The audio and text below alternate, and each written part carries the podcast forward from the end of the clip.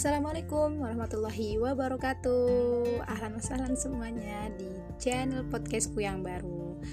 Ah, Kali ini aku kata, uh, kali ini aku tidak mau mengatakan bahwa ini adalah akun yang akan menceritakan tentang kehidupanku sehari-hari. No Akun ini akun biasa aja. Ya akun biasa Akun tentang bercakap dengan semesta. Kadang-kadang kan mungkin akun ini nggak nggak cuma berbicara tapi mungkin mendengarkan cerita.